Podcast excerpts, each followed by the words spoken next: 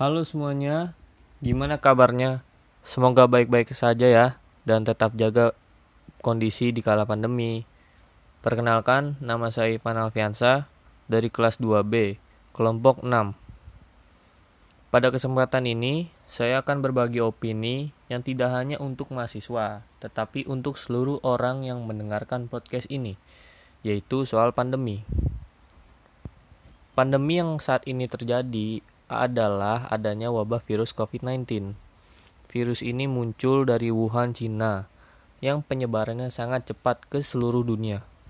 Indonesia termasuk, walau pada awal virus ini muncul, Indonesia terbilang telat menyadari bahaya virus ini karena tidak adanya tindakan antisipasi, hanya narasi yang bisa dibilang penenang masyarakat agar tidak panik.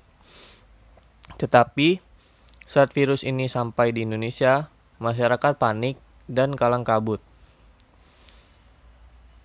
Terjadi panik buying, kebutuhan pangan, langkahnya masker medis akibat terjadinya penimbunan, dan kurangnya APD sebagai pelindung nakes saat menangani pasien virus COVID-19.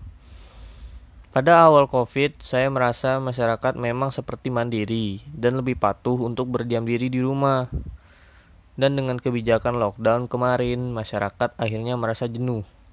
Akhirnya berubah kebijakan lagi dan pada akhirnya me memang yang, yang saya rasakan bosan dan saya lihat kondisi sama saja tidak ada penurunan masyarakat yang tertular karena masih banyak pemukiman sempit yang masih tidak patuh dan masyarakat lainnya yang kurang patuh yang mengira virus ini hanyalah rekaan.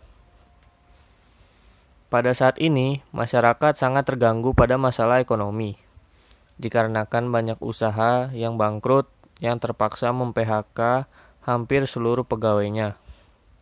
Jumlah orang yang terkena PHK sangat banyak, yang pada akhirnya masyarakat tidak fokus untuk menjaga kesehatannya di kala pandemi karena mereka sangat bingung, tidak ada penghasilan untuk hidup. Pemerintah akhirnya memberikan bantuan sosial kepada masyarakat dalam bentuk sembako dan memang sangatlah berguna bagi masyarakat. Tetapi sayang sekali dana bansos pun dikorupsi oleh Ketua Kementerian Sosial dan lainnya yang terlibat. Ini sangat memalukan dan membuat masyarakat murka karena mereka sedang kesusahan tetapi masih saja ada orang yang memperkaya diri sendiri dengan uang yang bukan hak dia.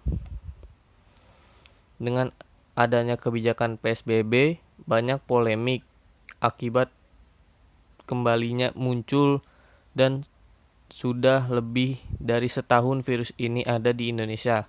Tetapi masih saja ada masyarakat yang bandel yang tidak memakai masker.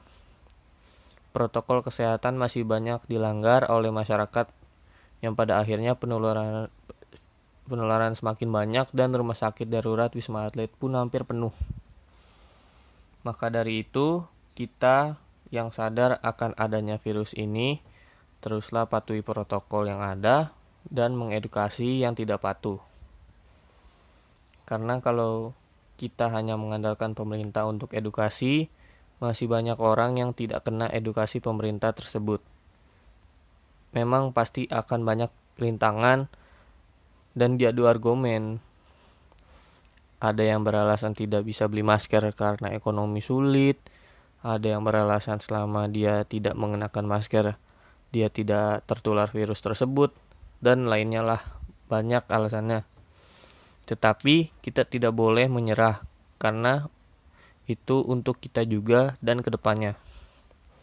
Pemerintah telah memberitahukan tentang vaksin yang akan dirasakan masyarakat secara gratis. Tetapi tidak secepat yang kita bayangkan. Maka dari itu kita sebagai mahasiswa bantu pemerintah dengan edukasi orang yang ada di sekitar kita, seperti orang tua kita sendiri, teman kita, tetangga kita, dan yang ada di sekitar kita. Dengan adanya edukasi, kita turut andil untuk mewujudkan Indonesia yang sehat dari penyebaran COVID-19 ini. Emang kalian nggak mau kuliah offline? Mau kan? Sama, saya juga. Semoga narasi singkat ini dapat bermanfaat dan dapat membantu kalian yang pastinya sudah sangat ingin kehidupan kembali seperti semula. Terima kasih semuanya, sehat selalu.